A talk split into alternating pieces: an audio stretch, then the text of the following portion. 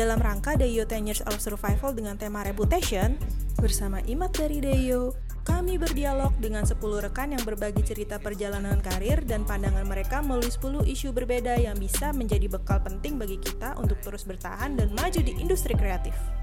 Podcast ini bekerja sama dengan podcast by Potluck, iCat, dan Tegami Type. Reputation number 3, Preparation Afwina Kamal.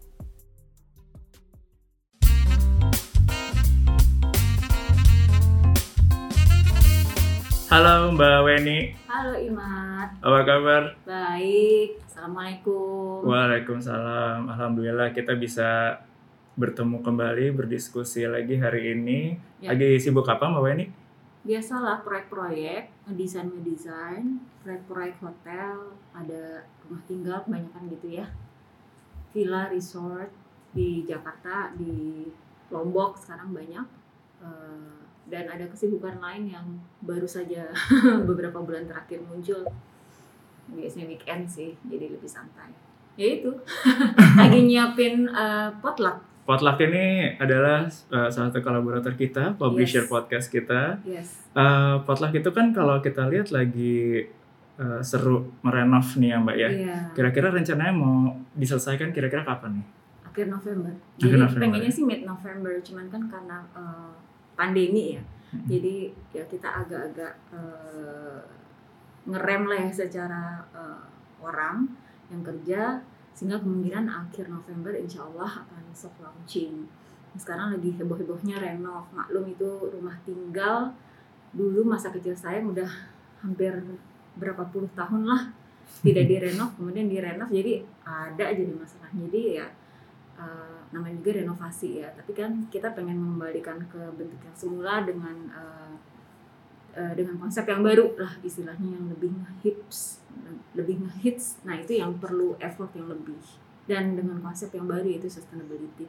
Jadi kalau Sabtu Minggu sama malam-malam ya di luar pekerjaan saya sebagai arsitek ya eh, masih ada sisi kreatifnya. Cuman juga mas eh, tentunya ada sisi bisnisnya. Jadi ya harus juggling for for those things gitu sih Sekarang lebih nyaman disebut apa nih? Tetap sebagai as an architect atau creative planner mungkin? eh kalau dibilang sebagai creative planner sebetulnya I'm in the making of Menuju ya? yeah I'm the making uh, to be as a entrepreneur masih belajar banyak lah gitu ya, walaupun ada satu bisnis yang sudah berjalan dari bulan uh, Agustus sudah soft launching cuman ya kan masih istilahnya masih startup banget ya startup Hmm. bisnis di mana kita masih nge-review jadi uh, sudah pasti kita uh, masih pelan-pelan lah apalagi pandemi begini Oke, tadi ada bisnis yang sudah soft launch di bulan Agustus. Itu Mm-mm. apa mbak? Boleh cerita sedikit namanya mungkin? namanya Tokosai Tokosai. Tokosai ngomongnya harus Tokosai Tokosai. eh, gitu. karena Oh, A-nya dua Oh, hanya dua. Oke. Kalau cuma tokosai nggak bisa, kayak orang bisa. Jepang. Tokosai gitu ya. Oke, jadi eh, sebelum kita bahas lebih lanjut ini, Iya. kita tuh bertemu pertama kali dulu di 2019. Oh iya ya, dua tahun yang lalu Dua ya. tahun yang lalu. Udah ya. Saya udah nggak ke BCH udah hampir dua tahun ya berarti. Di, Saat si- di ruangan ini loh, di ruangan ini lu jadi- presentasi. betul pertama di kali. Posmo ini di Geraha Cipta Hadi Prana Antasari. Iya. Di situ eh, dia mendapatkan tugas untuk merebranding Hmm. sebuah brand Hadi Prana secara keseluruhan itu deg-degannya minta ampun buat saya dan tim. Hmm. Di ruangan tersebut lengkap hadir ada Bu Mira, ada Bu Puri, Mbak Raya, Pak Farid, Bu Ami, Mas Wil, Mbak Tati, dan Mbak Misa. Mbak Weni pada saat itu menyusul kemudian. Tuk, tuk, tuk, tuk, tuk, tuk, tuk, Gue lagi ada meeting ya kalau nggak salah ya. Pasti sibuk banget ya. Nggak tahu lupa. Terus Nah, kalau menurut saya itu salah satu momen presentasi yang menegangkan eh, buat saya dan saya menyusun slide presentasi terpanjang yang pernah saya buat selama Deyo berdiri. hmm. Karena menurut saya Hadi Prana Design pada saat itu eh, sudah 60 tahun lebih adalah sebuah brand yang besar di ranah arsitektur. Hmm. Jujur saya lumayan eh, melihat Mbak Weni segen sih awalnya. selalu gitu. Selalu gitu ya Masa Mbak ya. Iya, tapi ternyata Mbak Weni ini eh, berjiwa muda sekali. Saya iya? merasa sebagai temen yang sering diskusi ya, kita ngobrolin branding, ngobrolin publikasi itu lumayan setiap hari. Nah, ngomong-ngomong Hadi Prana Design nih Mbak Weni Mm-mm. gitu. Dulu bergabung di Hadi Prana Design Mbak Weni di tahun berapa? 99 99. setelah resesi. Saya Oke. pulang dari Amerika terus eh, kan S2 ya sama sekolah eh, sama kerja di sana sebentar eh, bersama suami saya terus tahun 99 itu eh, akhir ya kalau nggak salah Oktober ya apa November gitu 99 di situ eh, saya langsung masuk ke studio arsitek Mm, ke Hadi Prana ya. mm, Hadi Prana Design Hadi Prana Design. Nah. Dulu eh, terkenalnya Geraha Cipta Hadi Prana betul, betul ya. Mm-mm. Mm-mm. Pada saat itu berarti Mbak Weni belajar langsung dari seorang Hendra Hadi Prana atau yang biasa dikenal orang-orang dengan sebutan Om Heng Mm. yang merupakan pendiri dan juga pemilik dari biro arsitektur yang bisa kita bilang salah satu yang tertua ya di Mm-mm. Indonesia ya Mm-mm. gitu. Iya betul. Dengan belajar dari Om Heng, pelajaran apa yang paling Mbak Weni ingat pada saat itu yang menjadi bekal penting hingga hari ini? Mm. Jadi kalau di arsitek itu beda sama di interior. Oke. Om Heng itu kan eh, emang base-nya dia seorang interior design. Jadi kalau di arsitek itu lebih banyak eh, secara operasional dan secara day to day rutin dipegang oleh Pak Sindu Hadi Prana anaknya. Oke. Anaknya yang memang seorang arsitek backgroundnya. Oke. Jadi kayak mereka punya pembagian tugas kalau di arsitek itu Pak Sindu, di interior tuh Om Heng. Tapi seorang Om Heng karena beliau itu adalah istilahnya komisaris saat itu, presiden direkturnya sih Om eh, tetap Pak Sindu ya. Iya. Eh, i- eh, ya tapi karena mereka sama-sama ngebagi gitu loh. Oke. Tapi jadi secara operasional eh, Pak Sindu tetap sebagai CEO, tetapi sebagai desainer, sebagai desainer tuh lebih banyak Pak Sindu eh, langsung di atas saya kalau secara Hmm. operasional. Tetapi kalau dengan Om Heng lebih ke arah eh, ngomongin eh, secara global, jadi kayak semacam konsep, kemudian arahan desain gitu-gitu ya, sama lebih ke arah behavior dan etika Hmm. itu Om Heng banget. Jadi eh, yang saya ingat dari awal, saya masih ingat banget ya ketemu sama Om Heng pertama itu eh, pas eh, kita eh, dites gambar. Wow. Masuk Hadi Prana tuh harus tes gambar. kayak masuk ITB, kayak masuk Serius. kuliah. Iya, jadi seorang saya, seorang siapa pun, seorang Mas Farid, seorang Mas Aang itu masuk Hadi Prana dari dulu itu harus tes gambar. Harus tes gambar dan mm, saya dites gambar maklumlah mbak-mbak pulang dari Amerika mungkin rada-rada gimana gitu ya dengan high heelsnya peletak peletak peletak itu Om Heng tuh langsung siapa tuh siapa tuh Wow. oh, gitu kan langsung gitu kan dia orangnya gitu tahu kan Iya, iya. Nah, terus dia nyamperin pas satu lagi saya gambar, dia dia ngeliatin gitu. Terus eh, pensil saya jatuh, diambilin dong. Oke. Seorang Om Heng. Gue gue ngeliat "Ya, ini oh, ini Hendra Hadi Prana dong. Sementara gue sapa lah. Tapi emang waktu itu gue pakai high heels kan biasa lah ya harus Neces gitu ya, gitu ya. necis lah ya. Terus jadi di situ saya first impression saya adalah ya dia nama besar tapi dia sangat low profile. Dia sangat low profile. Kemudian ada Pak Sindunya juga sih ngelatin aja gitu kan.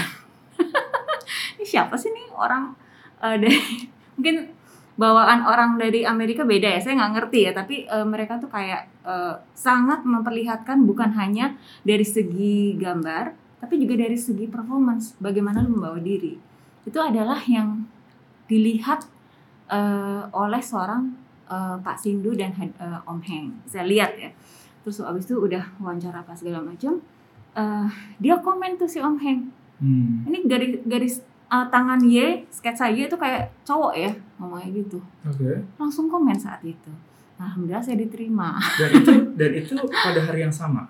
hari yang sama dia Langsung. langsung komen Oke. Sorenya saya langsung di eh, interview. Interview waktu itu banyak kan dia saya lupa. Tapi ada Mas Farid ada Mas Dedi waktu itu Mas Ang udah keluar kalau nggak salah. Oke. tapi ada siapa lagi saya lupa ya. Pokoknya banyak deh itu si si orang-orang hebat itu. Terus eh, tapi sebelumnya gambar saya udah di review sama si Om Heng. Hmm. dibilang garis tangan dia tuh kayak cowok banget sih gitu kan. Tahu tuh bagus apa enggak. Tapi ya alhamdulillah saya diterima dan di situlah saya eh, eh, mulai bekerja eh, seminggu kemudian Oke. seminggu kemudian em, dia sebagai arsitek dulu kayaknya nggak terlalu ada junior senior apa segala macam dia jadi sana arsitek arsitek Oke.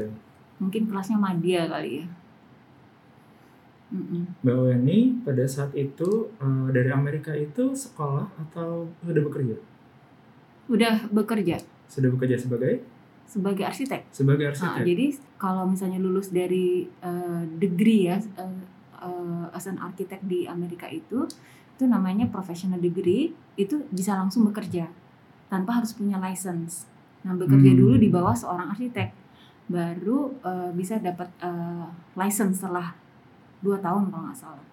Jadi saya langsung bekerja di Macon, Macon Central Jensen and Architect itu yang ada kantornya di Buffalo dan di Rochester.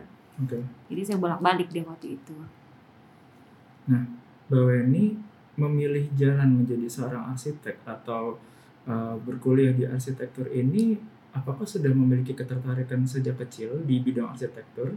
Hmm, iya karena mm, keluarga saya memang eh, ada dua- dunia seninya sih. Jadi kebetulan kakek saya itu yang seorang eh, santri, salah seorang seorang santri yang membangun dan ngedesain menara eh, masjid Menara Kudus. Oh, oke. Masjid Kudus itu kan Menara Kudus by Sunan Kudus. Iya. Eh, jadi adalah silsilahnya ke sana. Mhm. Eh, masjidnya itu dibangun oleh kakek saya almarhum. Hmm. Jadi eh, otodidak istilahnya. Berarti sebagai arsitek dan otodidak ya. Tuh di saat itu. otodidak dia karena dia sebetulnya ki semacam san apa ya kiai yang ngajarin Ulama agama gitu ya. gitu, ulama lah ya ulama ya. Nah, tapi dia juga em, eh, bikin eh, masjid itu dan juga punya perusahaan tegel. Wah, tegel zaman dulu. Eh, yang yang terus terang aja itu ada di eh, rumah saya yang nanti jadi potluck dan itu saya coba reserve Betul. conserve maksudnya dipertahankan gitu. Itu Jadi sudah puluhan tahun berarti ya? yes. Cool. udah lebih dari umur umur saya kali. Ya udah seumur saya lah. Jadi eh, base-nya itu eh, kakek saya. Kemudian bapak saya itu adalah seorang civil engineering tapi suka ngedesain ngedesain furniture apa segala macam. Kakek saya arsitek eh, eh, di situlah lahir-lahir om-om saya dan pak de saya yang tiga atau empat orang ya. Satu dua tiga. Tiga orang arsitek. Tiga Hmm. orang arsitek satu desainer interior. Jadi berdelapan itu memang semuanya rata-rata uh, arsitek dan desainer. Nah di situlah saya banyak uh, gimana ya dari kecil sampai gede lingkungannya seperti itu. Mhm. jadi itu yang membuat membuat saya mungkin uh, jadi seperti ini ya Jadi exposure-nya terhadap arsitektur dan desain Mm-mm. interior tuh sudah ada dari keluarga Mm-mm. dan akhirnya mungkin dari situ tumbuh minat Mm-mm. dan akhirnya Mm-mm. melanjutkan kuliah di bidang arsitektur. Mm-mm. ya mungkin dengan suka gambar dulu ya biasa kan Biasa ya. suka gambar Hmm. kaligrafi apa segala macem ya dari situ awalnya mungkin Nah, kemudian udah sekolah, Mm-mm. lulus dan kemudian berkarir di arsitektur. Mm. Di awal-awal karir tersebut, Mbak Weni tuh punya cita-cita nggak mau merancang bangunan yang seperti apa sih? Oh iya, jadi pas waktu abis lulus dari Amerika, kemudian kerja di Amerika, terus bawa ke, ke dari Amerika terus ke Indonesia kan pasti idealismenya masih tinggi. Apalagi pas waktu di Amerika kita ngerjain desain-desain yang lumayan lumayan heboh gitu ya, Mhm. maksudnya seperti ada museum, Betul. fingertip itu maksudnya mu- museum yang lebih eh, udah apa istilahnya ya, eh, udah udah agak high tech yang bisa bisa sensorable apa segala macam Iya. gitu. Jadi udah ke arah sana gitu ya pas waktu di Amerika. Kemudian ada juga eh, beberapa project lah ya yang lumayan idealismenya cukup tinggi. Nah di situ kan saya pengen ngebawa ya itu ya Hmm. yang apa yang ada saya dapat dari Amerika ke Indonesia. Tetapi memang eh, mungkin eh, culture-nya atau kondisinya eh, beda gitu. Jadi akhirnya saya harus menyesuaikan diri. Tapi ada beberapa yang membuat saya eh, eh, tetap tertarik sih di Hadi Prana karena memang sejak di Amerika itu saya udah tahu Hadi Prana. Oke. Kebetulan salah satu proyek yang saya tangani rumah tinggal itu eh, itu adalah punya pro- bukan profesor ya dokter eh, di eh, New York yang orang Indonesia dan dia selalu refer Hadi Prana Desain bukunya Hadi Prana Desain jadi saya ditunjukin tuh Oh, pada saat itu Hadi Prana sudah punya buku ya? udah Oke. Tahun berapa itu? 98 99 itulah ya 98 ya 98 saya ngedesain itu Hmm. dia nunjukin uh, Indonesian Accent buku yang pertama itu nah di situ saya udah lihat tuh si Om Heng lah desain desainnya saya pengen seperti ini jadi di situ saya udah tahu oh Hadi Prana. Nah jadi begitu saya pulang dari Amerika ya saya daftarnya Hadi Prana. Langsung ya. Mm-mm. Dan terus lagi saya juga daftar tempat-tempat lain tapi Hmm.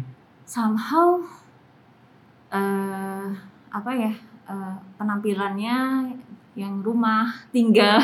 Maksudnya kantornya seperti rumah tinggal dan suasananya gitu ya. Membuat saya memilih di sini dibandingkan dengan yang lebih corporate. Hmm. gitu di antara-antara yang lain. Ada yang international company juga nggak saya pilih walaupun atasnya saya tuh bule langsung Mm-mm. saya nggak pilih. Tapi saya milih ke sini sesuatu yang kontras eh, dari pulang dari Amerika tetapi itu membuat saya tertarik gitu loh Hmm. mungkin karena Indonesianya juga saya udah bosen dengan apa yang ada saya dapat di Amerika dengan segala yang high technya nah, itu segala ya. macam saya pengen lebih yang human touch lebih humanism lebih em, ya lebih membumi lah istilahnya Hmm. kepada kepada eh, diri saya sebenarnya itu mungkin yang membuat saya akhirnya memilih di Hadi Prana Hmm. dan terus aja saya pulang ke Hadi Prana ya karena eh saya pulang ke Indonesia itu juga karena saya i- istilahnya bukan bosen ya tapi istilahnya begitu udah lama di sana eh, lo eh, pasti akan eh, hilang kontak dengan keluarga dengan your I don't know that's my feeling ya saat Hmm. itu Hmm. dengan your culture dengan your apa ya dengan your sensibility as an Hmm. Indonesian waktu itu saya juga as a Muslim tahu sendiri jadi uh, agak susah lah gitu untuk ada close contact gitu jadi itu yang membuat saya balik dari uh, balik ke Indonesia di antaranya adalah supaya saya lebih dekat dengan keluarga dengan Indonesia ya mungkin akhirnya saya saya arah emang jalan hidup saya ke sini lah gitu Nah, kemudian dengan culture yang tadinya sempat terpisah selama di Amerika, terus Hmm. kemudian Mbak Weni pulang ke Indonesia, Hmm. bergabung di Hadi Prana, memutuskan bergabung di Hadi Prana, Hmm. Yang kita tahu Indonesia banget ya pada saat itu sampai sampai hari ini gitu. Hadi Prana itu identik dengan uh, karya-karya yang sangat bernilai Indonesia. Di situ Mbak Weni belajar kembali kah tentang Indonesia atau memang belajarnya ketika di dalam Hadi Prana melihat referensi dan sebagainya atau gimana? Enggak sih, karena memang eh, saya orang udah orang Indonesia ya. saya udah, udah orang Indonesia dan saya senang dengan budaya Indonesia. Jadi mungkin itu sudah ada di darah saya, udah ada di mind saya, tetapi agak terkubur gitu kali ya. Jadi Oke. tapi eh, mungkin aneh ya dengan budaya yang atau pelajaran yang saya dapat dari Amerika terus saya masuk ke Hadi Prana itu sesuatu yang kontras Hmm. tapi terus terang aja seorang Om Heng eh, itu tidak membatasi itu dia tuh harus murni harus ada Indonesianya enggak Hmm. dia tuh eh, walaupun walaupun di sana itu modern dan memang arahnya saya selalu ke modern ya eh, awal-awal eh, dia sangat open minded eh, terhadap eh, segala style dalam arti kita bisa menggabungkan antara sesuatu yang Indonesia dengan sesuatu yang modern. Jadi apa pun misalnya waktu itu saya ngedesain eh, yang binus yang di Hang Lekir Joseph Mhm. Wibo Center itu kan sesuatu yang agak-agak modern banget ya tahun 2000-an itu. Itu kita combine dengan sesuatu yang Indonesia. Om Heng di situ masuk.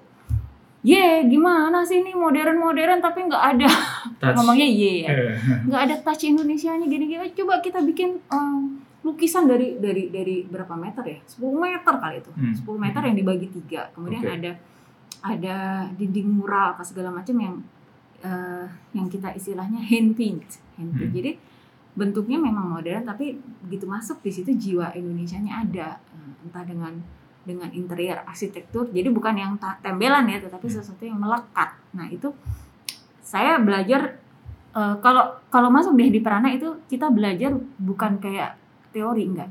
Kita belajar kayak dicemplungin gitu loh istilahnya nih kalau misalnya di Hadi Prana itu lo masuk tuh dicemplungin masuk ke dalam kolam. Hmm. kolam yang gede Langsung berenang deh tuh di Langsung situ. situ. Nyelam-nyelam ya. nyelam nyelam kalau mau kelelep kelelep dah Ya, Hmm. pokoknya gitu itu itu emang di Hadi Prana gitu nggak tahu ya Mungkin Ah. supaya lebih meresapi.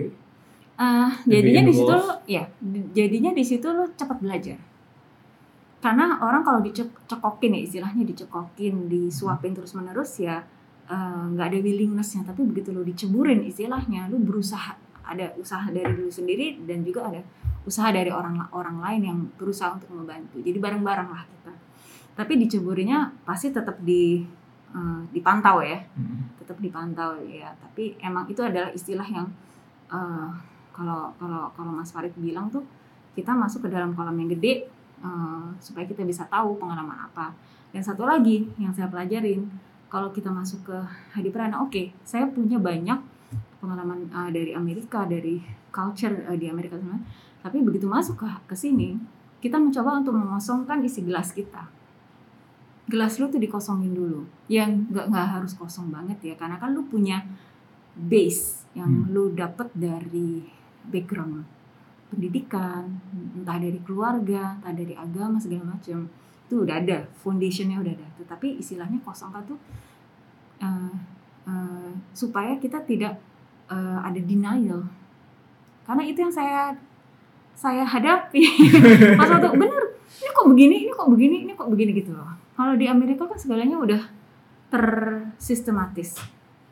Komputer lah segala macam udah tersistematis. Setiap orang punya punya komputer. Pas hmm. waktu saya masuk setiap orang nggak punya komputer. Harus ada kayak masuk ke uh, dulu kayak ke mana ke warnet gitu loh. Hmm. ada di mana ada uh, ada meja khusus untuk komputer-komputer tapi kita masih pakai meja gambar. Okay. masih 50-50 meja nah, gambar yang miring ada tampal-tampalan yes, itu ya. Gue masih pakai meja gambar tapi begitu udah dua tahun tiga kemudian tiga tahun kemudian kita udah kombina udah ini udah ada meja gambar masih meja gambar nih sama komputer. Udah. Walaupun udah. walaupun uh, uh, dua tiga tahun kemudian. Tapi awal saya masuk kita harus nunggu istilahnya untuk bisa ngecat istilahnya. Itu saya kan perlu penuh dengan denial. Yang dulu saya punya di Amerika saya punya everything tuh uh, computerized apa segala macam di sini kok nggak bisa? Nah uh, tapi bagaimanapun juga kalau lu masuk ke dalam suatu lingkungan baru uh, lu harus bisa adapt adapt. Ya ada nggak uh, forum uh, di sini temanya adapt? Ada, ada, ada. kan ya? Adapt itu tuh sangat penting. Adapt tapi juga jangan akhirnya mendorong lu ke bawah. Hmm. tapi you have to uh, sama-sama lah gitu ya. Kita memberikan influence juga ke mereka tapi kita juga harus adapt tolerance segala macam gitu. Itu yang saya pelajari dan itu susah loh buat seorang saya yang idealis untuk bisa menekan tapi juga bisa harus tetap naik.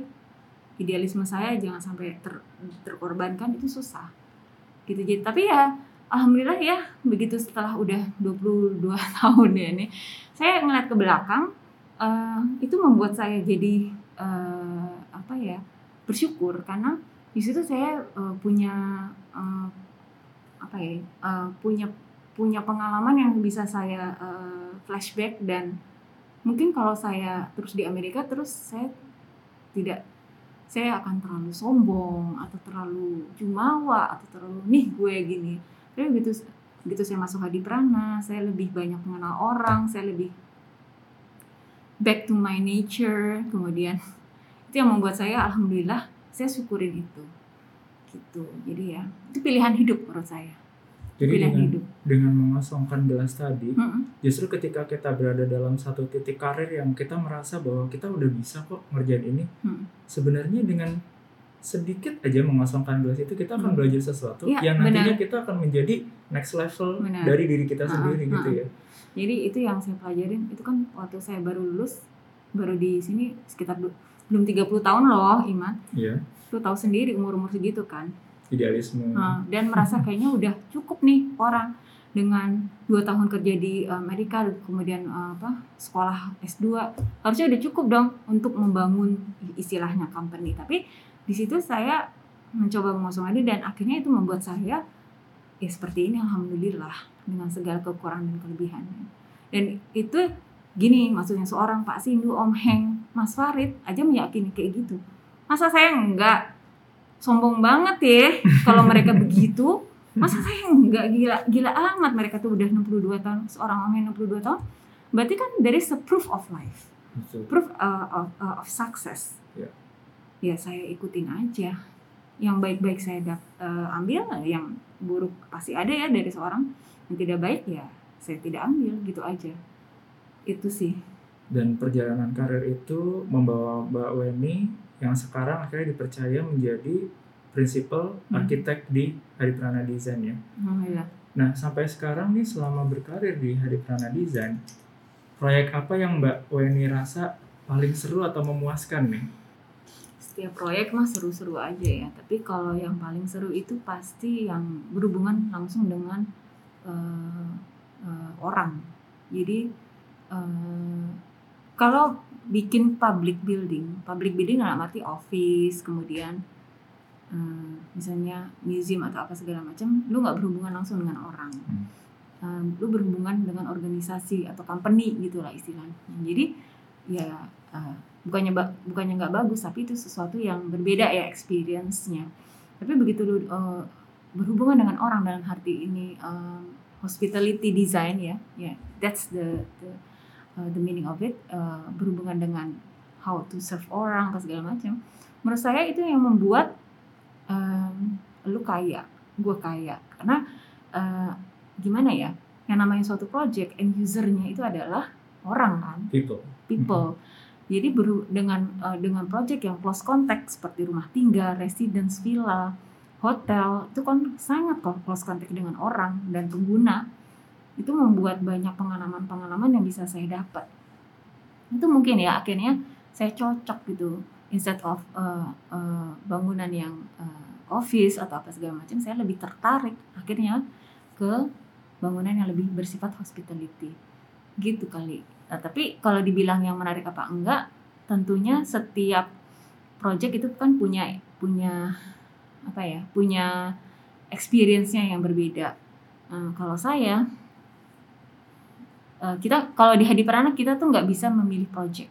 Project yang datang itu ya harus kita terima. That's a professionalism that we have to uh, apa maksudnya kita pegang ya. Tapi kalau saya boleh memilih adalah uh, project yang bisa kebetulan saya sekarang lagi kerjakan yang di Tampa Hills ya. Hmm. Project yang ada Indonesia-nya memang di Indonesia tetapi berhubungan dengan klien-klien di luar negeri. Di situ saya belajar banyak, banyak banget. Kemudian juga um, uh, misalnya dengan operator dari luar negeri. Terus saya belajar banyak karena apa? Bedanya adalah standarnya lo udah harus lebih tinggi daripada lokal. Standarnya lo harus international gitu. Nah, itu yang membuat kita lebih terus belajar belajar belajar gitu. Dan di situ dengan adanya bekerja sama dengan uh, operator lokal it, eh sorry uh, operator internasional yeah. uh, berarti juga selain kita juga berada di level atau standar yang uh, kompetitif dengan mereka hmm. yang setara dengan mereka di satu sisi apa yang kita kerjakan juga membawa atau merepresentasikan Indonesia yeah, di mata internasional betul betul sekali. Jadi hmm, kalau kita meeting atau zoom lah gitu ya paling paling paling simple we represent Indonesia. Bukan we rep only represent Hadi Prana no but we represent Indonesia as a as a secara keseluruhan. Jadi ya kalau saya ketemu sama bule-bule itu ya akhirnya ngomongnya bukan cuma proyek hmm. tapi ngomong juga uh, our tra tradition our uh, cuisines local cuisines our ya macam-macam Nah itu di di situlah lo harus bangga bahwa lo orang Indonesia. Our language even ya, lo ngomong uh, apa aksen Jawa aja macam-macam kan. Di situ mereka belajar loh, mereka mau belajar karena itu buat mereka ter, apa ya sesuatu yang beda kan. Betul. Nah ya uh, experience seperti itu yang membuat saya uh, menurut saya itu it's very challenging jadi di Hadi Prana ini juga uh, Indonesia itu justru tidak membatasi bahwa skopnya itu hanya lokal atau gimana, tapi Enggak. dengan merepresentasikan Indonesia justru itu menjadi value utama hmm. yang banyak dilirik para orang-orang di negara lain hmm. gitu ya. Hmm. Karena mereka melihat bahwa Indonesia ini kan unik ya gitu hmm. dengan berbagai macam uh, suku, uh, kemudian juga bahasa, kemudian hmm. juga punya adat istiadat dan culture yang begitu beragam mereka juga mau belajar lagi sama kita gitu mm-hmm. sama orang Indonesia mm-hmm. dan itu juga uh, mungkin dari situ bahwa ini uh, senang kali ya mm-hmm. bisa uh, merepresent uh, ke Indonesia tersebut dan mm-hmm. akhirnya mungkin mereka juga sama-sama belajar gitu mm-hmm. ya. waktu itu pernah ya uh, kita nominate by World Architecture Festival mm-hmm. tahun berapa ya saya lupa ya enam tahun yang lalu apa ya kita presentasi dan di situ saya sa uh, saya mempresentasikan uh, pasar mama-mama di Papua. Papua. Itu nominated loh, nominated dalam arti World Architecture loh. Jadi alhamdulillah itu tadi dilihat. Tapi yang yang membuat uh, uh, project tersebut nominate mungkin ya karena mengusung Indonesia dan mengu mengusung sosial juga ya kan di situ kita CSR ya dengan uh, Pak Jokowi. Nah, jadi kita me mengolah uh, budaya Papua di situ, si mama-mama orang Papua kita bawa ke dunia internasional. Nah, di situ orang luar tuh akhirnya melihat lah gitu kita itu. Justru dipilihnya bukan yang project kan saya juga ya kasih juga project-project yang modern-modern nggak dipilih dong yang hmm. yang masuk justru yang yang aneh-aneh yang di luar nggak ada gitu yang justru, unik yang cuma yang ada unik. satu di satu tempat hmm. itu ya hmm. Satu lagi dari DCM sih pak. Uh, Pak Budiman dia uh, uh, gereja tapi gerejanya juga unik sih ya tapi beda lah gitu. Tapi kita kita adalah dua orang Indonesia yang merepresentasikan Indonesia saat itu. Biasa. Lumayan sih pengalaman. Dengan pengalaman uh, yang sudah 22 tahun di Hadi Prana Design sekarang bawa ini tuh masih ngedesain gak sih? Masih, masih. itu barusan tadi ya gitu deh masih harus masih terus ngedesain dan uh, kalau nggak ngedesain ya nggak bisa ya karena memang core core di core-nya walaupun udah prinsipal tetap harus nge-sketch walaupun sekarang ini kan saya udah prinsipal jadi nggak istilahnya nggak ngecat ya nggak hmm, ngecat hmm, nggak hmm. nggak gini tapi arahan desain itu tuh harus biasanya sih datangnya dari prinsipal nah itu yang uh, saya Mas Farid William itu kan yang yang lakukan arahan desain itu bisa berupa apa pun guidance-nya Nah, dalam mempersiapkan sebuah desain, preparation, uh, dari awal sampai hmm. nanti selesai, hmm. itu biasanya tuh prosesnya bagaimana, Mbak, di Desain? Prosesnya bisa cepat, bisa lama. Oke. Okay. Nah, kalau misalnya uh, normal, kalau normalnya memang kita harus ada konsep, kita menggali konsep. Konsep itu harus dalam supaya itu yang akan membuat uh, semacam core untuk ke seluruh proses sampai selesai. Oke, okay, sebentar sampai konsep dulu. Hmm. Yang bisa uh, dirasakan oke okay nih konsep atau core-nya udah bagus. Hmm. Nah itu apakah uh, ada formulanya nggak sih? Perlu ada sisi modernnya dapat, Indonesianya dapat atau gimana? Iya biasanya ada. Ada ya? iya itu udah kayak uh, terus terang ya mungkin udah seperti uh, uh, intuisi ya, intuisi yang nggak disadarin bahwa um, Hadi Prana tuh dipilih atau orang yang datang ke kita itu selalu walaupun bangunan itu modern atau klasik selalu ada Indonesianya loh. Hmm. Somehow it's an eclectic kalau Om Heng bilang eclectic tuh bagaimana mengcombine uh, apa pun itu style dengan sesuatu yang Indonesia tetapi sifatnya tidak gaduh-gaduh atau sembarangan. Tetapi sesuatunya sifatnya yang lebih complement each other. Nah uh, jadi itu kan dalam arti bentuk. Tetapi konsep itu kalau di Hadi Prana yang harus benar itu adalah sirkulasinya harus benar dulu. Program ruangnya harus benar dulu. Zoningnya harus benar dulu. Fungsinya harus benar dulu. Istilahnya wajib nih kalau kita sholat itu wajibnya dulu harus dipenuhi. Hmm. Bentuk apa segala macam itu tuh bisa uh, apa namanya menyusul. Karena uh, uh, konsep yang adalah yang paling benar sirkulasi yang. Uh, kita selalu diajarin dari awal bagaimana memisahkan antara sirkulasi servis dengan sirkulasi guest atau umum. Bagaimana memisahkan antara dunia luar dengan dunia dalam, benar kan?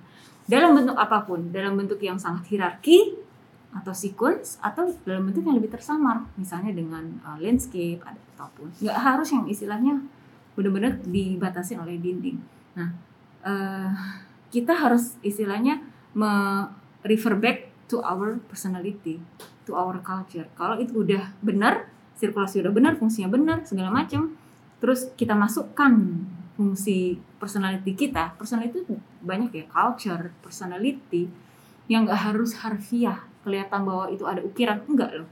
Tetapi secara uh, uh, not literally tapi secara konsep itu udah benar secara desain secara konsep dan itu yang menjadi benang merah kalau istilahnya si Om Heng bilang benang merah desain yang harus kita terus pegang sampai itu selesai. Oke. Okay. Mm -hmm. Kemudian berangkat dari karata konsep itu selanjutnya apa? Oh, kalau tadi? ya kalau uh, kalau kita prepare ya namanya uh, kita kan ngomongin preparation. Kalau preparation itu bukan hanya internally, tapi juga hmm. harus ada approval kan ke klien. Jadi proses itu tuh bukan hanya di kita aja, tetapi juga harus ada communication, communication dengan klien yang kita harus terus gali gitu loh istilahnya brief ya Iya. kita harus sebanyak mungkin digging nih cerita Hmm. menggali sebanyak mungkin informasi sebelum kita akhirnya olah sebagai desain karena kalau misalnya itu kita tidak eh, kita tidak eh, prepare dari awal kita tidak eh, masukkan ke dalam konsep kita nanti tiba-tiba di tengah ada ada konsep baru lagi maksudnya ada kebutuhan baru lagi kan payah ya Hmm. jadi eh, start from the beginning eh, start eh, right from the beginning itu penting banget di kita jadi semuanya kita ambil di awal walaupun awal konsepnya itu lama tapi itu yang menjadi base kita untuk melangkah ke selanjutnya itu uh, design development, kemudian construction document, kemudian nanti ya di di lapangan. Jadi uh, start right from the beginning itu penting banget kalau di di kita. Ya gitu deh. Jadi dengan start right from the beginning ini tidak hanya mengkomunikasikan eh, tadi konsep dan arahannya kepada tim secara internal, tapi, Tapi juga, juga ke kita perlu konfirmasi ya, ke klien ya, Iya. externally. Jadi ketika Harus. dua itu klop, baru kemudian go Iya. bisa jalan Ha-ha, gitu ha-ha. ya. Jadi kalau yang di uh, Tampa Hills itu ada ada beberapa tahap ya begitu konsep, kemudian hitung. Eh, misalnya istilahnya konsep uh, presentasi mereka udah approve, dihitung keluar budget.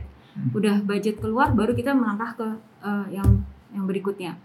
Nah, uh, kemudian baru ke masuk ke design development, kemudian di, uh, dipresentasikan lagi, bolak-balik loh. Presentasi itu bolak-balik. Uh, kemudian dihitung lagi. Itu itu melalui satu tahap yang sistematis, satu demi satu demi satu. Kalau sama orang bule harus begitu. Harus clear di awal. Pernah suatu ketika there is a misinformation. Biasalah orang Indonesia selalu ada assumption, benar nggak? Terkadang begitu ya. assumption uh, sering terjadi di orang Indonesia. Jadi gue kira dia maunya begitu. Gue kira loh. Hmm. Enggak ternyata enggak. Nah orang orang bule nggak gitu. We have to be clear from the beginning. Nah itu yang saya belajar banyak. Walaupun saya udah sekolah lama di Amerika, tetapi uh, itu kan di Amerika. Saya ngadepin bukan hanya Amerika, Europe juga. Maksudnya Iya. dengan orang Belanda, orang Jerman, orang Swedia segala macam. Jadi uh, understanding mereka adalah beda-beda kan ya. Nah, kalau kalau mereka yang penting adalah clear from the beginning, semuanya lebih jelas. Kalau kalau ada masalah apa-apa harus diomongin secepat mungkin dan eh, responsnya harus cepat. Oke. Itu bule tuh. Gile responnya tuh harus cepat. Jadi profesionalismenya itu dilihat di situ.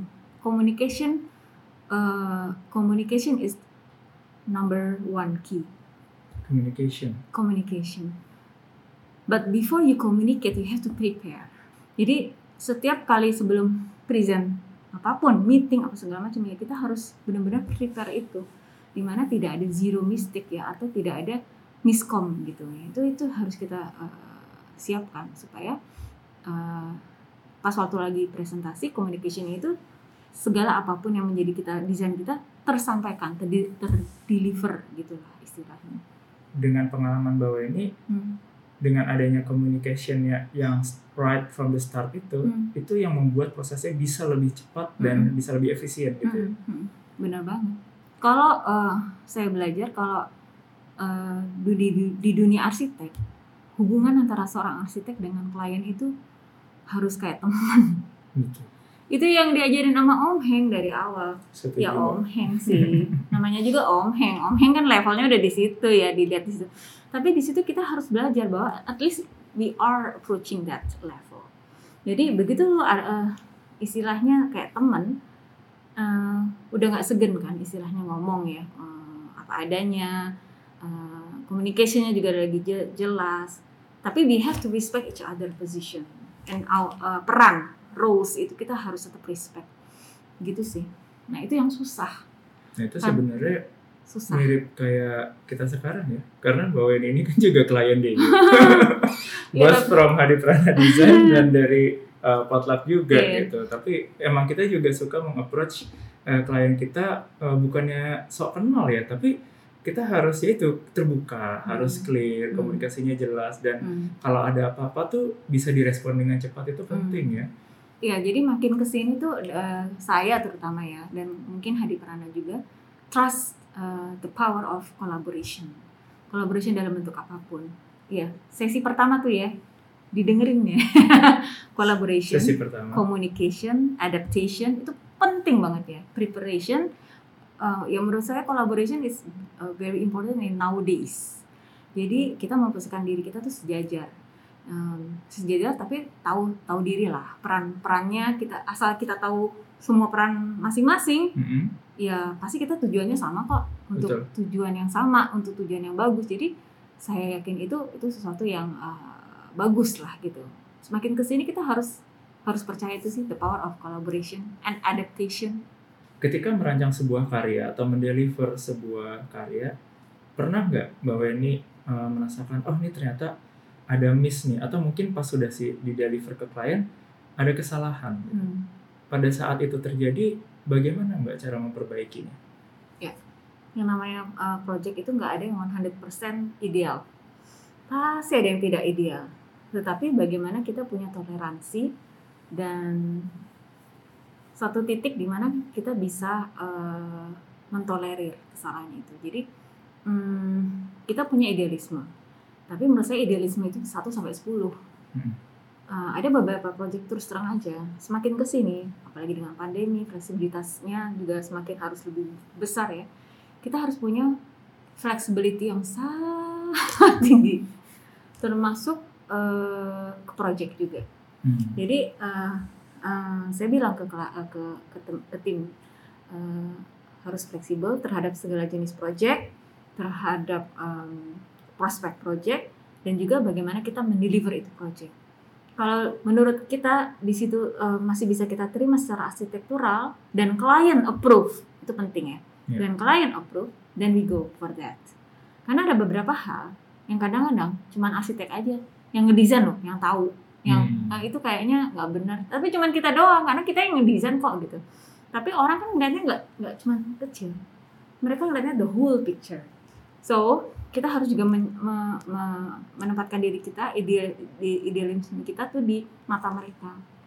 Supaya kita nggak stres. Kalau nggak gitu. Stres Nggak karena bertanya-tanya sendiri ya. Karena nggak ada yang namanya 100% itu project itu ideal. Dan bagaimana kita menyikapinya yang penting adalah solusi. Hmm. Eh, kalau dibilang eh, eh, eh, ada kesalahan itu pasti ada yang namanya human error ya. Ya. Eh, entah di kitanya entah di kontraktornya itu sering kejadian kan ya.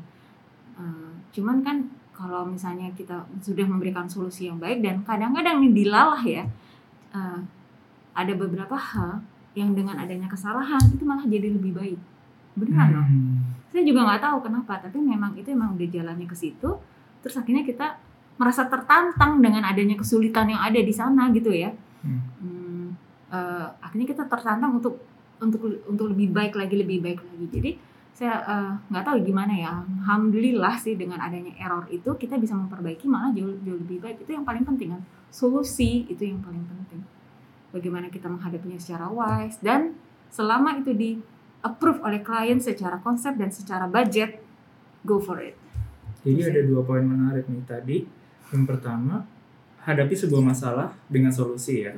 Gitu. Pastinya eh, dengan kita nggak hanya eh, meminta maaf saja, tapi juga kita hadirkan solusi kemudian Ah. diperbaikinya bagaimana. Iya. Dan kedua, lihatlah sebuah masalah itu sebagai kesempatan untuk memperbaiki mungkin lebih baik lagi. Hmm, Tidak hanya membetulkan kesalahan, tapi siapa tahu di situ adalah chance oh ternyata kita bisa membuat karya ini menjadi jauh lebih baik. benar jadi kalau saya ada apalagi di zaman pandemi ya dengan adanya kita jarang ke proyek terbatas dong pasti yang keluar kota kalau ada segala macam kan pasti ada yang miss miss nah di situ kita harus prepare segala kesalahan yang terjadi kita harus prepare solusinya alternatif satu dua tiga gitu loh Hmm. untuk me- memberikan solusi itu kepada klien Antisipasi ya. antisipasi. Jadi begitu kita datang ke klien, kita bukan hanya membawa masalah, tahu kan? Itu yang bikin klien tuh marah gitu selama ini. Hmm. Tetapi kita sudah membawa solusi alternatif. Itu jauh lebih meringankan meringankan mereka. Dan mereka tuh appreciate kok dengan adanya solusi. Apalagi kalau udah eh, orangnya udah cukup ini ya tinggi ya Hmm. eh, secara pemahaman, mereka sangat appreciate dan eh, open for mind open minded about it gitu. As long there is a solution. Eh, mengemban jabatan as a principal architect di Hariprana Design. Di tengah-tengah profesi arsitek nih yang rata-rata kita tahu didominasi oleh para pria, Hmm. pengalaman apa yang menginspirasi dari Mbak Weni yang bisa dibagikan nih, terutama buat teman-teman uh, khususnya para wanita yang ingin berkarir di jalur arsitektur? Oke, pertama saya luruskan dulu. Seorang arsitek perempuan itu jangan dibilang arsitek perempuan. We are architect. We are an architect. Oke. Nggak ada male architect, nggak ada woman architect. We are architect. Jadi itu sangat mengenderkan seseorang sih terus. Hmm. Jadi eh, dan itu juga saya dengar juga ya di di di Amerika di mana-mana kita tuh eh, sebagai perempuan tuh nggak mau dibilang woman architect ya arsitek arsitek lah gitu ya nah, tugasnya sama kok semuanya sama mungkin gendernya aja yang beda gitu nah eh, kalau misalnya per- eh, pesan ya berarti kalau pesan ya itu pertama kali kita jangan memposisikan diri kita pertama sebagai woman architect. We are an architect. Begitu lo memposisikan diri lo sebagai woman architect eh, lo udah mengkotakkan diri lo mensegmentasikan diri lo nah itu menurut saya nggak benar. Kalau saya eh, mungkin karena saya udah di Amerika sih jadi saya udah belajar bagaimana teman-teman di sana untuk lebih liberal dalam berpendapat gitu. Eh, jadi begitu lo tidak mengkotakkan diri lo lo lebih bebas menurut saya. Jadi everything comes from yourself within yourself ya nggak sih? Bagaimana lo harus percaya diri lah istilahnya lo walaupun cewek mau cowok ya percaya diri aja. Hmm. lo punya kapabilitas go for it gitu. Begitu lo udah punya self motivation kemudian self assurance menurut saya itu yang membe- membekali diri lo itu yang pertama. Yang kedua you have to have a role model menurut saya role model itu nggak harus cewek loh. Bisa cowok. Saya punya role model dulu. Pas waktu saya di Amerika kebetulan emang cewek. Arsitek lah Champali Maut Miss Champali Maut itu adalah seorang eh, senior partner juga dan eh, punya biru juga yang saya saya kerja. Jadi saya ngeliat situ juga profesor-profesor saya yang eh, eh, cewek tapi juga dia juga ngajar juga profe- profesional. Itu membuat saya look up tuh tapi begitu ke Indonesia saya ngelihatnya seorang Om Heng kemudian seorang Mas Farid kemudian adalah seorang Mas Aang. Pokoknya ya teman-teman di antara kita sendiri di lingkungan kita sendiri sebelum akhirnya keluar seperti Han Awal. Itu saya dulu pernah juga di Han Awal by the way. Hmm. jadi kita harus punya role model. Karena begitu role model nggak harus satu ya role model bisa banyak. Even di luar negeri kita punya seorang Zahadid misalnya. Kita begitu punya role model jadi kan kita tahu dong mereka tuh kiprahnya bagaimana nah itu yang yang kedua. Terus kalau yang ketiga sih there's no boundaries. Hmm. there's no boundaries. Jadi pas waktu saya di Amerika saya eh, dibilang you are crazy. You're crazy. Karena apa? Saya melakukan hal sesuatu yang tidak dilakukan oleh seorang wanita. Di sana saat itu saya bikin instalasi one by one untuk untuk studio saya untuk thesis eh, thesis saya jadi saya bikin desain eh, tapi juga saya buat instalasi karena saya mengerjakan sendiri instalasi. ngerjain sendiri model making saya gergaji-gaji sendiri Wow. cool. Eh, karena memang instalasi saya berhubungan dengan musik. Nah kalau musik kan nggak bisa di nggak bisa dilihat doang ya, harus Hmm. dirasakan. You have to Betul. go through that installation to feel the music, installation of architecture by the way, untuk merasakan itu. Jadi I have to build that. Eh, dan saya waktu itu bilang there is no boundaries. Saya nggak pernah namanya model making selama di Indonesia. Waktu saya sekolah di sini, saya nggak pernah model making. Tapi begitu di Amerika, semuanya itu tuh ada gitu loh fasilitas itu ya saya gunakan gitu there's no boundaries di situ begitu pulang ke Indonesia ya boundariesnya berbeda-beda ya tapi memang boundariesnya yang begitu pulang ke Indonesia adalah as an architect you can build a high rise sebagai saya cewek saya bisa bangun dengan tahun 2002 atau 2001 kontraktor total saat itu. Saya cewek di situ. Tapi mereka appreciate. Jadi there's no boundaries. Di mana lingkungan semuanya ya cowok-cowok. Nggak ada yang cewek. Nggak ada satu pun yang cewek tahun itu 2000-an awal. Cuma saya sendiri. Tapi ya alhamdulillah ya. Dengan kerja keras dan juga eh, dukungan sih. Dukungan dari seorang eh, Hadi Prana dan keluarga. Itu membuat saya gimana sih lo? Nyeburin cewek Hmm. di dalam satu project yang lumayan besar ya itu kan butuh kepercayaan dan trust. Betul. benar nggak sih? Dan saya dapat itu. Dan Begitu- membuktikan. Dan begitu saya dapat kalau dapat trust itu tuh bagaimana eh, ya itu harus dibuktikan ya harus dibuktikan dan harus mengemban trust itu. Trust dan eh, eh, trust itu penting banget sih menurut saya. Begitu lo dikasih trust I believe you. Tau kan maksud gue? Seorang Hmm. Pak Sido Om Heng I believe you can do it ya there's no boundaries menurut saya sih gitu ya pesan-pesan buat teman-teman cewek di luaran sana ya itu Contohlah Mbak Weni. C. Oh, enggak Satu lah, saya mah masih belajar terus. penting ya untuk memiliki role model gitu. Jadi Mm-mm. eh, saya juga merasakan itu di Mm-mm. grafis juga Iya. eh, di ranah kreatif terutama Siapa role model? Eh, banyak nanti kita juga akan dengerin eh, Pak Iwan SJP. Oh, Beliau iya. itu adalah mentor saya dari Deyo Iwan Berdiri SJW ya. 2011 Iya, eh, iya, iya, salah satu role model saya. Mungkin sekarang juga Mbak Weni eh, karena saya sering bertukar pikiran, eh, saya juga banyak belajar juga dari Mbak Weni. Alhamdulillah. Alhamdulillah. Tapi role model itu uh, bukan hanya harus dari kalangan lu sendiri ya, tapi bisa Iya, juga betul. dari kalangan yang lain. Saya Iya. punya guru loh. Saya punya guru. Guru uh, istilahnya uh, dari dari keluarga saya sendiri saya punya guru yang istilah yang yang saya yakini uh, benar uh, mursid dan itu membuat saya dan suami saya dan keluarga saya alhamdulillah bisa mendapatkan milik yang besar seperti ini gitu. Jadi ya kita syukurin aja. Jadi role model itu bukan hanya harus dari uh, kalangan lu sendiri tapi juga dari keluarga lu. Dari uh, your parents, Betul. dari guru lu, siapa pun itu deh.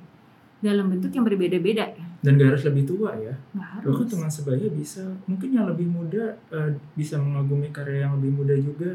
Banget. Iya kan? Saya uh, luar biasa kagum kok sama anak-anak yang jauh lebih muda ini ya di mana mereka saya kemarin kan dengerin nih Muhammad Ega halo Ega lu dengerin gue nggak gue dengerin lu loh jadi uh, luar biasa ya apa namanya idealismenya. Dan itu saya saya pernah di saat itu. Dan harus terus seperti itu. Harus ter- terus tetap idealis. Tapi mungkin hmm, kapasitasnya beda-beda ya. Kapasitasnya Hmm. beda. Saya sebagai kapasitas di dalam Hadiprana di dalam suatu biro yang saya bekerja di situ. Muhammad Ega mungkin uh, sebagai uh, CEO-nya gitu Yeah. ya yang lebih tapi semua orang tuh punya kapasitas berbeda. Dan sebagaimana dia memerankan kapasitas dan peran itu semaksimal mungkin no matter where they are itu menurut saya jauh lebih penting. Jadi bukan lo harus lo harus di luar daripada ah, lo harus punya biro apa segala macam tapi peran kalau menurut saya. Peran itu jauh lebih penting. Nah, ngomong-ngomongnya tadi itu. kenapa lu milih di Hadi Pranas ke- eh, selama 22 tahun? Itu harusnya lu tanya sama Mas Farid juga udah 30 tahun lebih dia. Mungkin next ya kita bisa bisa interview Mas Farid ya. Jadi gini, eh, ini juga kita di industri eh, di grafis, desain Hmm. grafis gitu. Di sini juga nanti akan hadir Arif Wijaya eh, yang mungkin juga membagikan hal yang serupa gitu. Di mana biasanya nih ketika kita udah eh, lebih senior atau udah lebih matang, Weni ini kan bekerja di Hadi Prana Design ya. Eh, kita lihat tuh jarang banget para praktisi kreatif ini nih konsisten nggak usah 20 tahun, lebih dari 10 tahun aja Hmm. mengabdi pada satu brand atau satu company gitu. Nah, bagaimana Mbak Weni ini eh, bisa betah bahkan sudah 22 tahun di Hadi Prana Design yang di mana tuh teman-teman mungkin ah kayaknya nih saatnya gue buka studio sendiri nih atau punya brand sendiri gitu. Apakah itu didukung juga dari lingkungan kerja dan sistem di Hadi Prana Design yang suportif untuk karir dalam jangka panjang atau gimana nih? Iya. kalau itu udah pasti tapi yang membuat saya terus bertahan mungkin ya kata kunci adalah value yang sama Oke. value yang sama yang eh, saya nggak memungkiri 22 tahun lebih 23 tahun sekarang ini tahun ke-23 itu banyak lah batu sandungan. Banyak yang membuat saya aduh gue nggak tahan lagi nih aduh banyak banget nih kerjaannya gitu segala macam. Banyak lah. Sesuatu hal yang saya pengen tapi eh, apa kantor ada pemikiran lain apa gimana itu kan suatu hal yang sangat lumrah. Tetapi di mana kalau value-nya itu masih sama itu yang akhirnya balik-balik. Nggak jadi lagi nggak jadi keluar lagi nggak jadi ini lagi nggak jadi itu gitu akhirnya saya balik lagi ke situ terus eh, apa namanya eh, ya karena value yang sama karena value yang sama dan kenapa saya masih eh, terus bertahan eh, adalah karena mungkin saya masih bisa beraktivitas yang seimbang Hmm. Life balance ya. life balance. Kalau di Hadi Prana, family is very number one.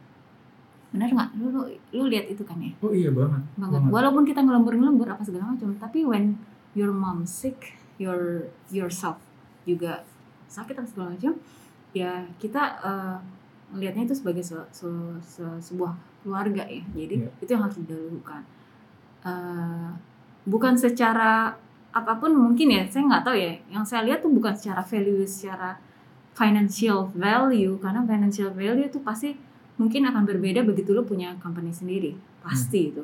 Tetapi moral value-nya itu yang penting. Dan dilalah life balance. Kemudian yang ketiga eh, saya nggak tahu ya tet- tetapi saya em, punya eh, punya balance sendiri gitu. Maksudnya punya another thing that keep me uh, insane. Bener nggak sih? keep me sane. Sane, keep me sane, kebalik ya, keep me sane uh, yang masih berhubungan dengan kreativitas di luar daripada kerjaan Hadi Prana, sehingga saya bisa bisa menerima itu. Jadi it's a- itu pilihan hidup sih.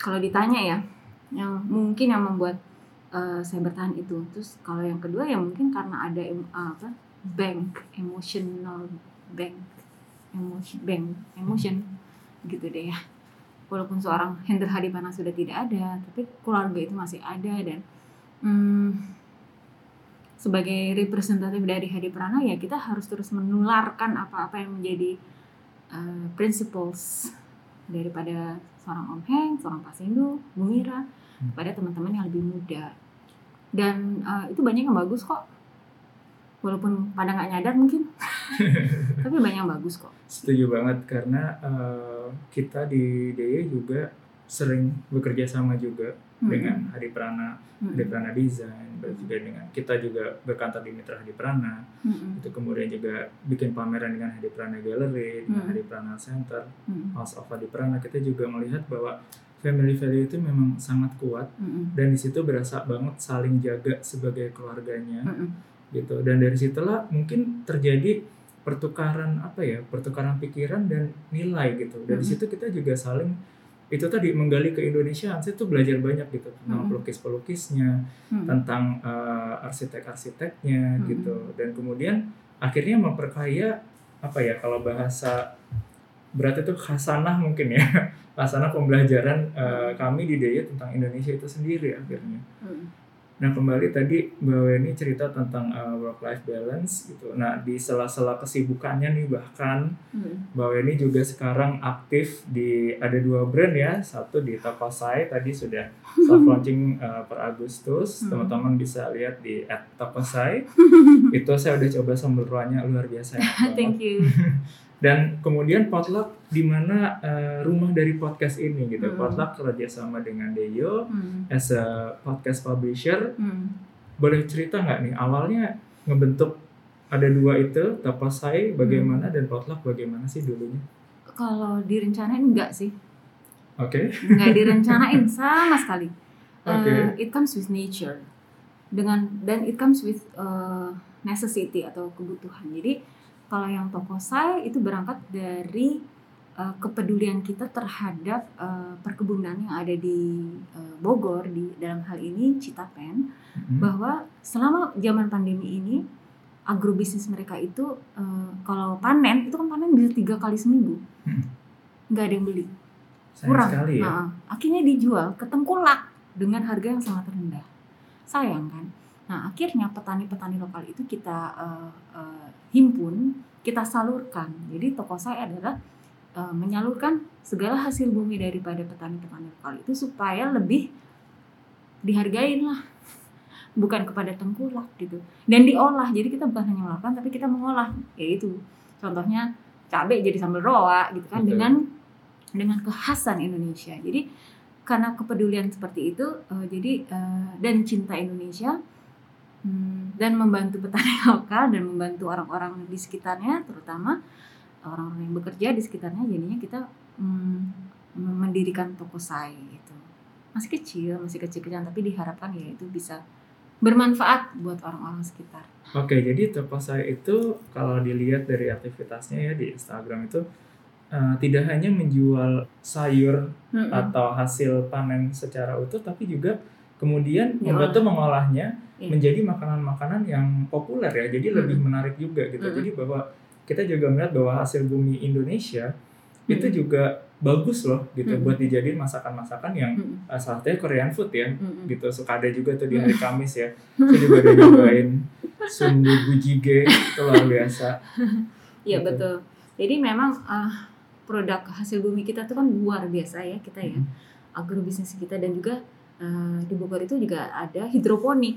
Oke. Nah akhirnya ya namanya juga mak- eh, makanan ya atau hasil bumi. Kalau nggak diolah ya dia cepat basi lah, cepat layu apalagi sayuran. Jadi kita harus selalu muncul dengan nah itulah di mana eh, ide-ide kreatif. Nah di situlah kekreativitasan sa- seorang saya dan eh, teman-teman saya, partner saya itu dituntut untuk bisa eh, nih abis ini kita ngapain nih si seledri nih si seledri diapain nih Hmm. si cabe merah keriting diapain nih Hmm. supaya tidak eh, jadi basi eh, atau apa? Eh, ya, di- ya kebuang gitu aja kan? Benar. harus diolah. Nah, akhirnya kita eh, ada produk makanan beku eh, namanya beku ya frozen ya. Eh, atau eh, makanan jadi atau makanan setengah jadi gitu ya supaya kita mem- eh, ngasih contoh. Nah isi, isi- kasih contoh istilahnya bahwa makanan ini bisa diolah menjadi ini dengan bumbu ini. Makanya ada bumbu-bumbu. Jadi tapi prinsipnya itu awalnya nggak nggak terencana kok. Saya tuh ada lima partner. Saya partner kelima yang terakhir saya. Di serius ini kayaknya butuh arsitek nih. Oke. mungkin ya kayaknya gitu deh. Saya kayaknya butuh orang kreatif nih gitu. Akhirnya di dalam lima itu tuh uh, kita berbagi tugas Hmm. gitu kosa. Jadi ada chefnya kemudian ada finance finance-nya kemudian ada operationalnya dan ada dua orang kreatif yaitu saya sebagai arsitek dan juga uh, um, atau saudara saya sebagai grafis. Jadi uh, ya kita bersama-sama dari awal dari start banget uh, uh, membangun ya dari nol ya lo, lo tahu sendiri kalau bang- bangun dari nol ya semuanya harus dikerjain sendiri gitu, Hmm. gitu deh nah Jadi itu menariknya ketika kita mau mulai bisnis mm-mm. eh, di mana antara tadi Mbak Weni sebagai arsitek terus tiba-tiba mengolah hasil bumi. change Mengolah saya saya ya ketika berubah itu jangan takut untuk berkolaborasi karena kita tuh nggak Iya. bisa ngerjain semuanya sendiri pada betul dasarnya. betul betul Dan betul. kita perlu think tank, Iya. bertukar pikiran dengan teman-teman, Iya. bahkan di lintas profesi ya nggak Iya. harus sama. Nah. Gitu dari situ mencapai tujuan yang lebih besar akhirnya Mm-mm. salah satu terbentuklah toko saya itu gitu. Nah kalau potluck ini gimana nih? Karena eh, kalau saya pelajari selama ini kan potluck itu ingin membentuk sebuah apa ya community hub benar ya? Hmm, melting pot. Jadi itu juga nggak terencana. Karena itu rumah sudah sekian puluh tahun dikontrakin terus gitu. Udah saatnya harus direnovasi. Udah di suatu umur di mana harus direnovasi supaya nilai arsitekturalnya, nilai fisiknya itu tidak semakin turun. Kalau soal sebuah hotel itu kan ada jangka waktunya setiap 10 tahun harus direnov.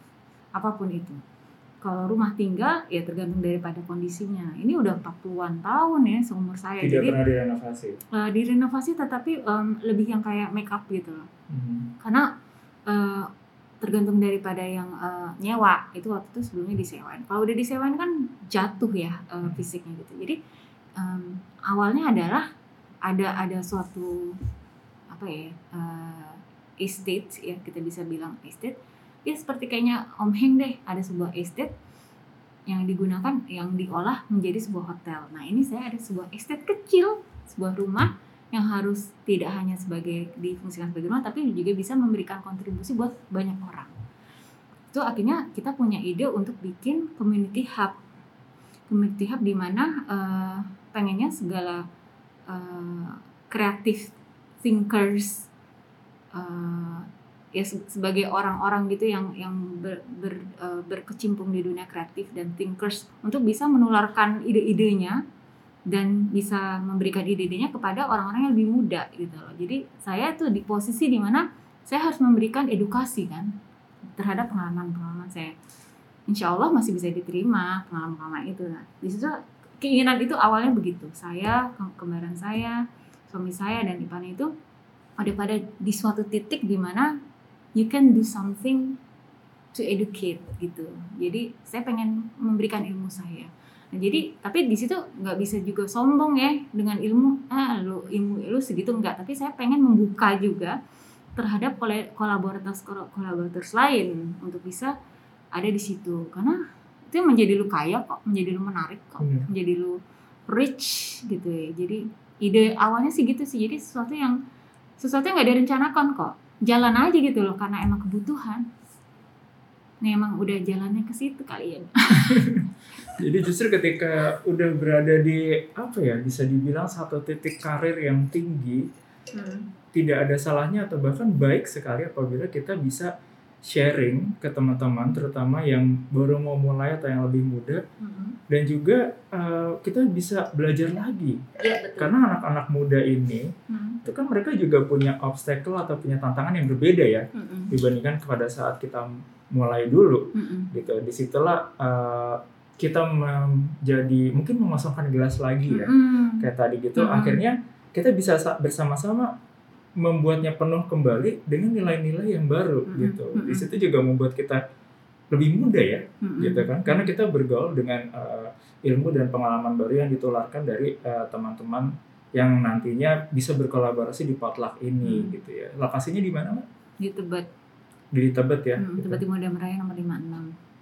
Tapi emang saya percaya sih bahwa ya semua itu kan adalah titipan ya dari Allah. Jadi bagaimana kita eh, menge- mengemban amanah itu dan harus pesan yang penting dari dari dari keluarga saya dari guru saya itu adalah ini sebenarnya dari, dari Rasulullah ya Oke. sebaik-baiknya manusia adalah yang paling bermanfaat bagi orang lain Insya Allah. terutama keluarganya dan orang-orang sekitarnya. Nah itu yang yang saya terus pegang gitu ya. Sorry saya jadi agak terharu. Karena eh, itu yang yang Indian itu yang paling bermakna kok. Kita hidup tuh buat apa sih? Benar Untuk beribadah, untuk Jadi, berguna untuk bagi berguna sesama baik, baik semua. eh, Kita bukan hanya vertikal loh, betul tapi juga harus horizontal. Jadi terus aja saya masih banyak kesalahan. Saya banyak masih banyak kekurangan dan dengan saya lebih membuka diri dengan adanya melting pot ini dengan adanya potluck insya Allah saya terus eh, belajar ya belajar dan em, supaya bisa menelurkan eh, supaya bisa menelurkan gagasan-gagasan yang berguna dan juga menjadi wadah sebetulnya kalau nggak bisa kalau nggak bisa sharing kalau saya nggak punya kapasitas untuk sharing at least ini ada wadah saya undang nih orang-orang saudara-saudara saya teman-teman saya supaya bisa memberikan uh, gagasan-gagasan itu buat orang lain.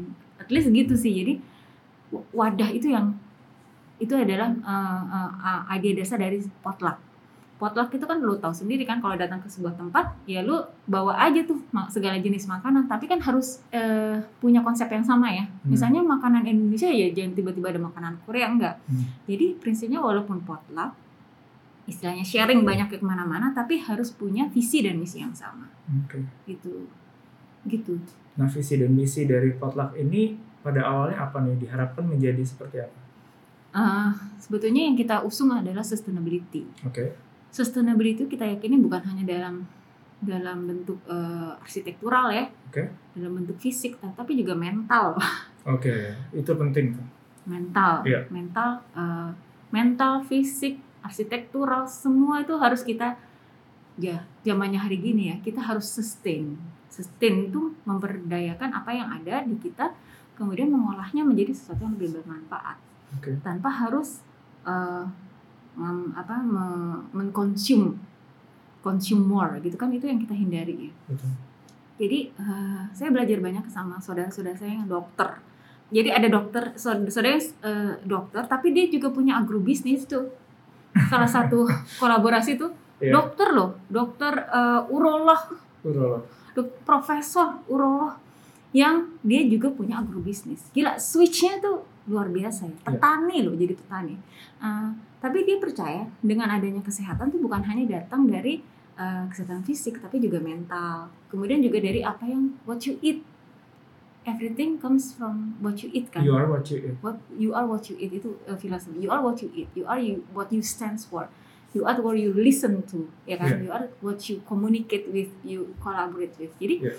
hmm, semuanya harus dibenerin kalau misalnya pengen ke arah sustainability. Nggak bisa cuman make upnya doang, tapi uh, mental lu juga harus. dengan- internal eksternal ya? Internal eksternal Nah, itu yang saya pengen uh, potluck itu menjadi wadah untuk uh, berkomunikasi berinteraksi. Cuman ngomong-ngomong doang tiba-tiba dapat ilmu. Pasti dong. Pasti. Masa sih nggak ada dapat ilmu? Hmm.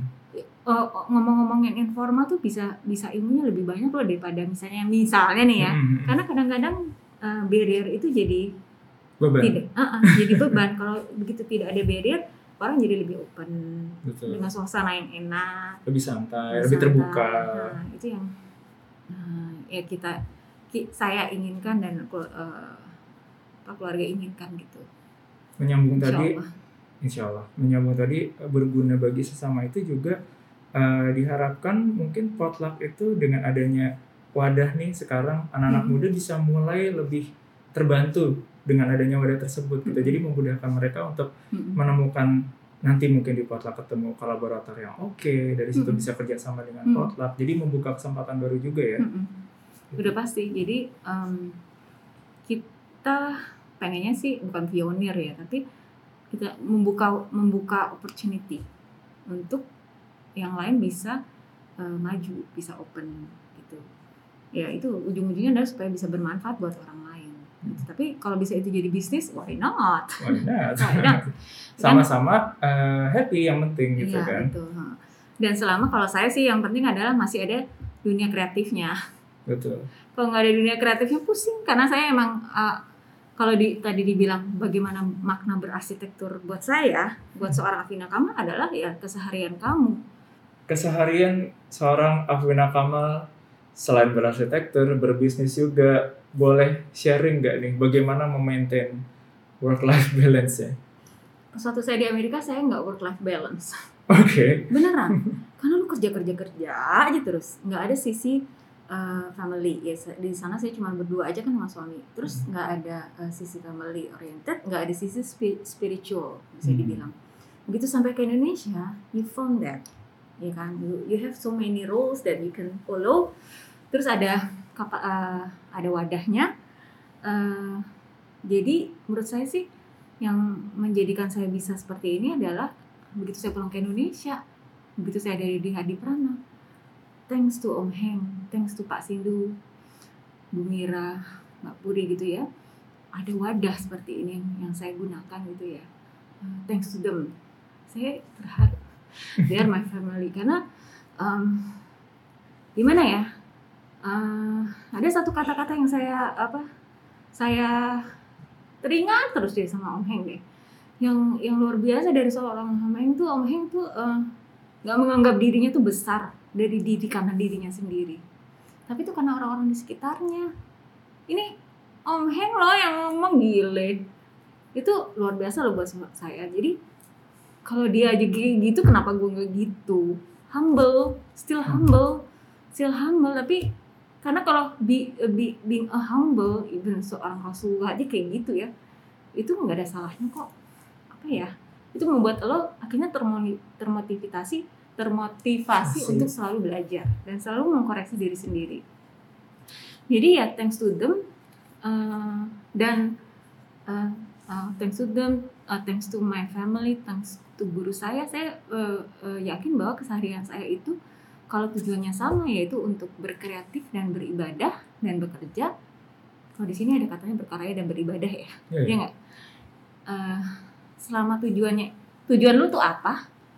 Kalau kita terus meyakini itu, ya itu akan menjadi keseharian lu terus menerus.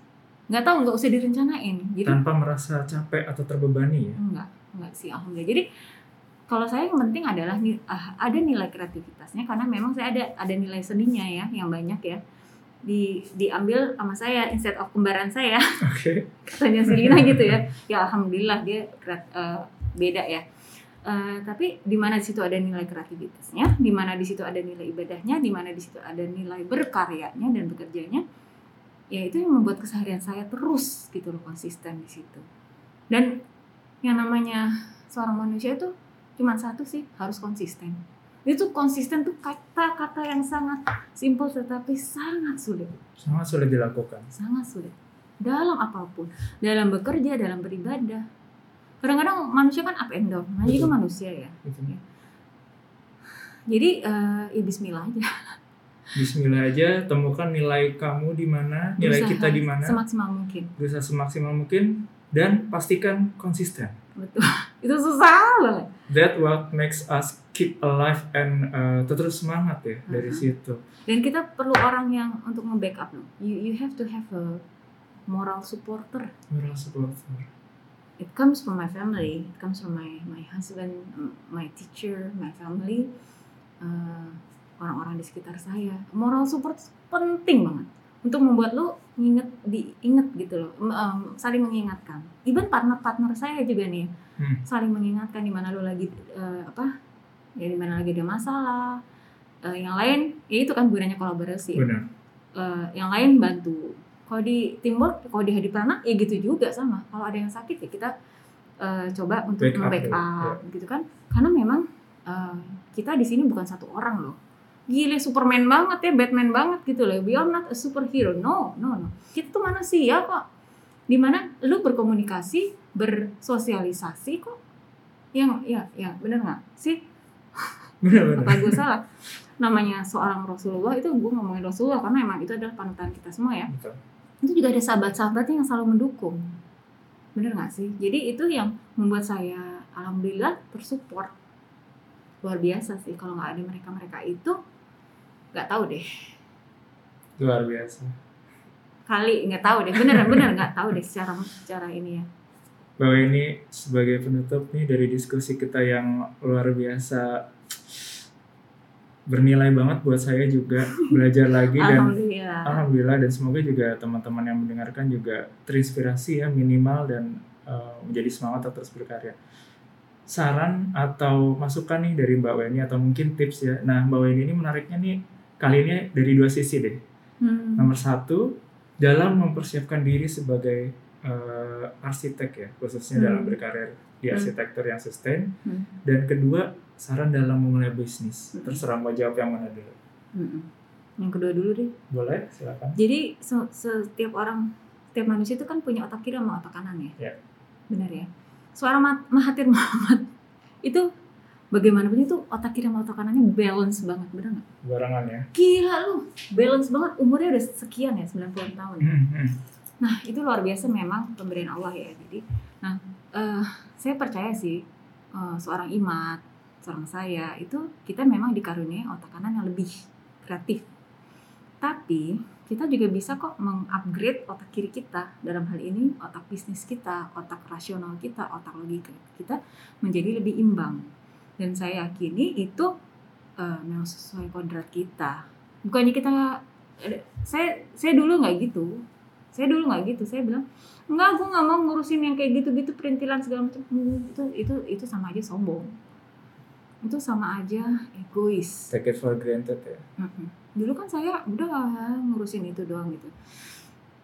Eh, tapi saya saya yakin bahwa eh, Allah menciptakan kita memang untuk untuk dua hal yang bisa kita maksimalkan sih. Ya, semaksimal mungkin ya. Kalau syukur-syukur bisa dimaksimalkan. Kalau udah nggak bisa ya udah. tapi itu bisa kok kalau nggak ada nggak bisa. Ini kata teman saya nih soal Firdaus Santi aja tuh nggak ada nggak bisa even di mana pun di proyek di eh, di keseharian kita nggak ada yang bisa kalau dia punya will kalau dia punya will jadi saya sebagai arsitek yang ikutlah istilahnya Om Heng Pak Sindu Mira Puri ya Hmm, saya sebagai karyawan walaupun saya prinsipal saya karyawan kan. Eh, tapi begitu saya masuk ke dunia bisnis akhirnya eh, otak kiri saya harus bekerja. Saya harus ngerem dong. Saya Hmm. harus ngerem eh, segala keinginan kreativitas saya supaya seimbang. Supaya hmm, semuanya akhirnya berguna gitu. Yang penting kan berguna. Jadi saya nggak bisa memaksakan terlalu idealisme saya tapi saya harus ada titik toleransi di mana saya bisa menerima itu. Mungkin akhirnya dari lima partner itu atau kalau yang kolaborasi yang di eh, potluck eh, dengan adik saya yang benar-benar otak bisnis eh, otak apa ya otak duit banget gitu ya. Rational. ya operasional gitu. Saling mengimbangi. Jadi ada ada ini ada otak kiri ada otak kanan. Tapi kita juga harus otak kita juga jangan terlalu dikotak-kotakin gitu loh. Betul. gitu. Jadi eh, semakin ke sini saya semakin sadar bahwa kita nggak bisa yang namanya me- memagari diri kita sendiri. Gimana lu mau berkembang kalau lu udah memagari diri lu sendiri itu alhamdulillah saya diberikan kesempatan untuk mer- eh, untuk nyadarin itu. Untuk menyadari itu gitu. Karena memang di Hadi Prana hebatnya di Hadi Prana sehingga lu bisa work life balance itu adalah ada porsi eh, saya sebagai prinsipal ya udah lu ngurusin desain tok. Tanpa harus itu kan tanpa harus ngurusin operasional yang dengan karyawan dengan SDM segala macam, itu udah ada orangnya. Hmm. luar biasanya di Perana tuh semuanya sistematis karena semuanya bisa fokus. Tapi yang namanya seorang arsitek atau seorang desainer eh, itu tuh udah kayak seorang politikus. Ini yang saya dengar dari seorang Mas Farid. Kenapa? Sama juga malu seorang politikus itu harus bisa meyakini orang. Iya persuasif ya. Persus- persuasif. Setuju. Jadi harus ada strategi. Strategi bisnis strategi politik. Jadi kita sebagai desainer sebagai arsitek ya kayak kayak politik kayak kita bermain catur ya. Kayak kita bermain catur di mana nih? Gimana nih ide desain kita nih supaya bisa terapprove? Ya sampai ke titik sampai kepada tujuan. titik ini. Kan ada taktik ya Betul. namanya there is tactic there is a strategy. Kalau ke kiri nggak bisa kita bikin Ah. jalan ke kanan. Ha-ha. main catur aja tuh. Jadi ya kan main catur aja gitu kita bisa jadi ya eh, eh, saya yakin ya namanya seorang desainer apalagi ya sisi kreatif itu tuh membuat kita semakin kreatif juga dalam menentukan taktik. Benar nggak sih? Betul betul. Setuju. Itu yang gue itu yang gue pelajari begitu gue terlibat di dalam bisnis. Dan begitu gue sampai di titik di mana mungkin udah prinsipal ya si MF hmm, MF tuh Mas Farid. Itu selalu bilang kalau begitu lu sampai di titik ini lu bisa lebih melihat ke bawah. Bisa melihat lebih ke bawah bisa lebih lebih melihat secara general. Dan alhamdulillah saya udah di titik itu di mana saya bisa lebih melihat ke bawah nih. Ini orang gini saya bisa lebih ahead di sini gitu. Karena memang saya udah mengalami itu bukannya apa apa bukan karena saya sok jago enggak. Seorang Mas Farid bisa ngelihat lebih lebih karena dia udah 10 tahun tuh kok lebih di sana jadi dia udah lebih ahead ya karena dia udah ngalamin proses itu dari A sampai Z prediksinya udah tahu ya Ya, iya, jadi udah ngalamin itu walaupun ada kadang-kadang namanya life, there is a life uh, uh, in expectation. Maksudnya yang yang nggak nggak di apa sih namanya itu surprise gitu ya. Maksudnya yang nggak- nggak di ekspektasi itu selalu ada. Tetapi di beberapa uh, perjalanan hidup ada beberapa yang sudah di, dijalanin gitu. Jadi ya ya saran saya kita harus sampai pada suatu titik di sini kita harus mm, mm, fleksibel.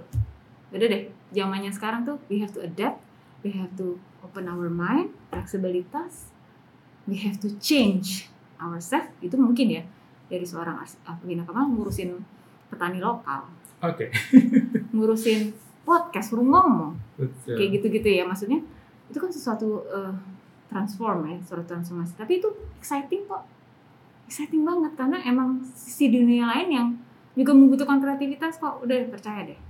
Sekarang imat deh, tiba-tiba bisa jadi Oh, podcast bisa ya. begini. iya 10 tahun. oke Ya kan udah menjalani kan itu ya. betul Pasti ada di eh, apalagi lu bangun eh, apa perusahaan ini kan dari nol gitu ya. Ya. Jadi lu udah mengalami sisi kreatif, sisi bisnis, segala sisi politik ya kan Betul. selama 10 tahun ini. Siapa tahu nanti berapa tahun kemudian semakin kaya deh lu deh. Insya Allah. Nah makanya memperkaya dirinya itu Hmm. Adalah dengan uh, bertukar pikiran, menambah nilai atau value Iya. dengan kalau menurut kami ya di Deyo dengan belajar lagi Betul. dengan teman-teman ini gitu. seperti Jadi lakukan sekarang. betul. Jadi apa yang kita lakukan itu jangan takut membuka diri atau jangan merasa sudah paling pintar karena sebenarnya belajar banyak itu lebih menyenangkan. Itu lebih bikin kita menjadi tahu lebih banyak. Nah itu jadi kita punya bekal lebih Hmm. kuat lagi buat menuju ya insya Allah 10 tahun lagi, 10 tahun ke depannya lagi dan seterusnya. Namanya manusia itu pasti ada titik jenuh, bener nggak? Setuju. apalagi orang kreatif uh mut-mutan nah Benar. begitu lo sampai di suatu titik jenuh itu yang yang ini yang saya lakukan dan insya Allah saya terus eh, ini yang lakukan adalah you transform Lu- you you change yourself you transform yourself gitu. itu menurut saya sih sehingga lu akhirnya termotivasi ter- termotivasi di umur eh, sekian saya eh, eh, maksudnya saya sepeda balap gitu misalnya. Saya sepeda apa segala macam. Saya baru bisa sepeda pas waktu zaman kuliah you know. Oke. saya baru bisa bersepeda zaman kuliah kemudian saya sepedaan lagi setelah berapa tahun ya? Hmm, 6 apa 8 tahun yang lalu lah saya rajin ya sepeda. Hmm. mulai dari road bike kemudian jadi sepeda balap walaupun nggak yang ikut kompetisi. Itu suatu change juga ya.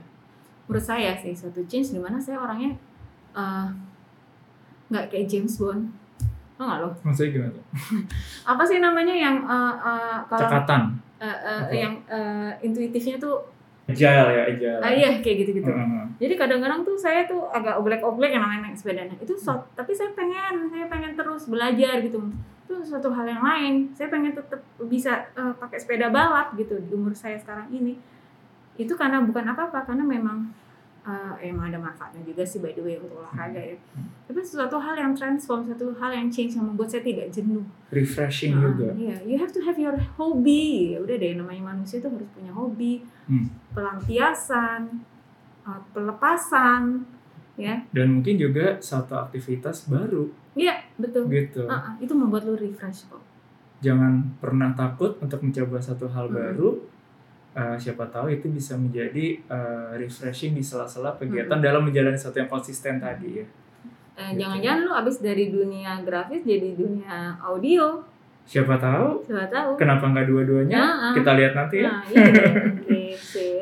Terima kasih banyak Sama-sama. Mbak Weni, kita belajar banyak hari ini. Kita Oh, udah cerita dan sharing pengalaman yang seru banget. Semoga bisa menjadi inspirasi dan pembelajaran buat Amin. teman-teman yang mendengarkan. Thank you. Sehat selalu, tetap semangat Amin. dalam berkarya, dalam berbisnis. Iya. Sampai jumpa kembali. Terima kasih Mbak Weni. Thank you. Thank you. Waalaikumsalam.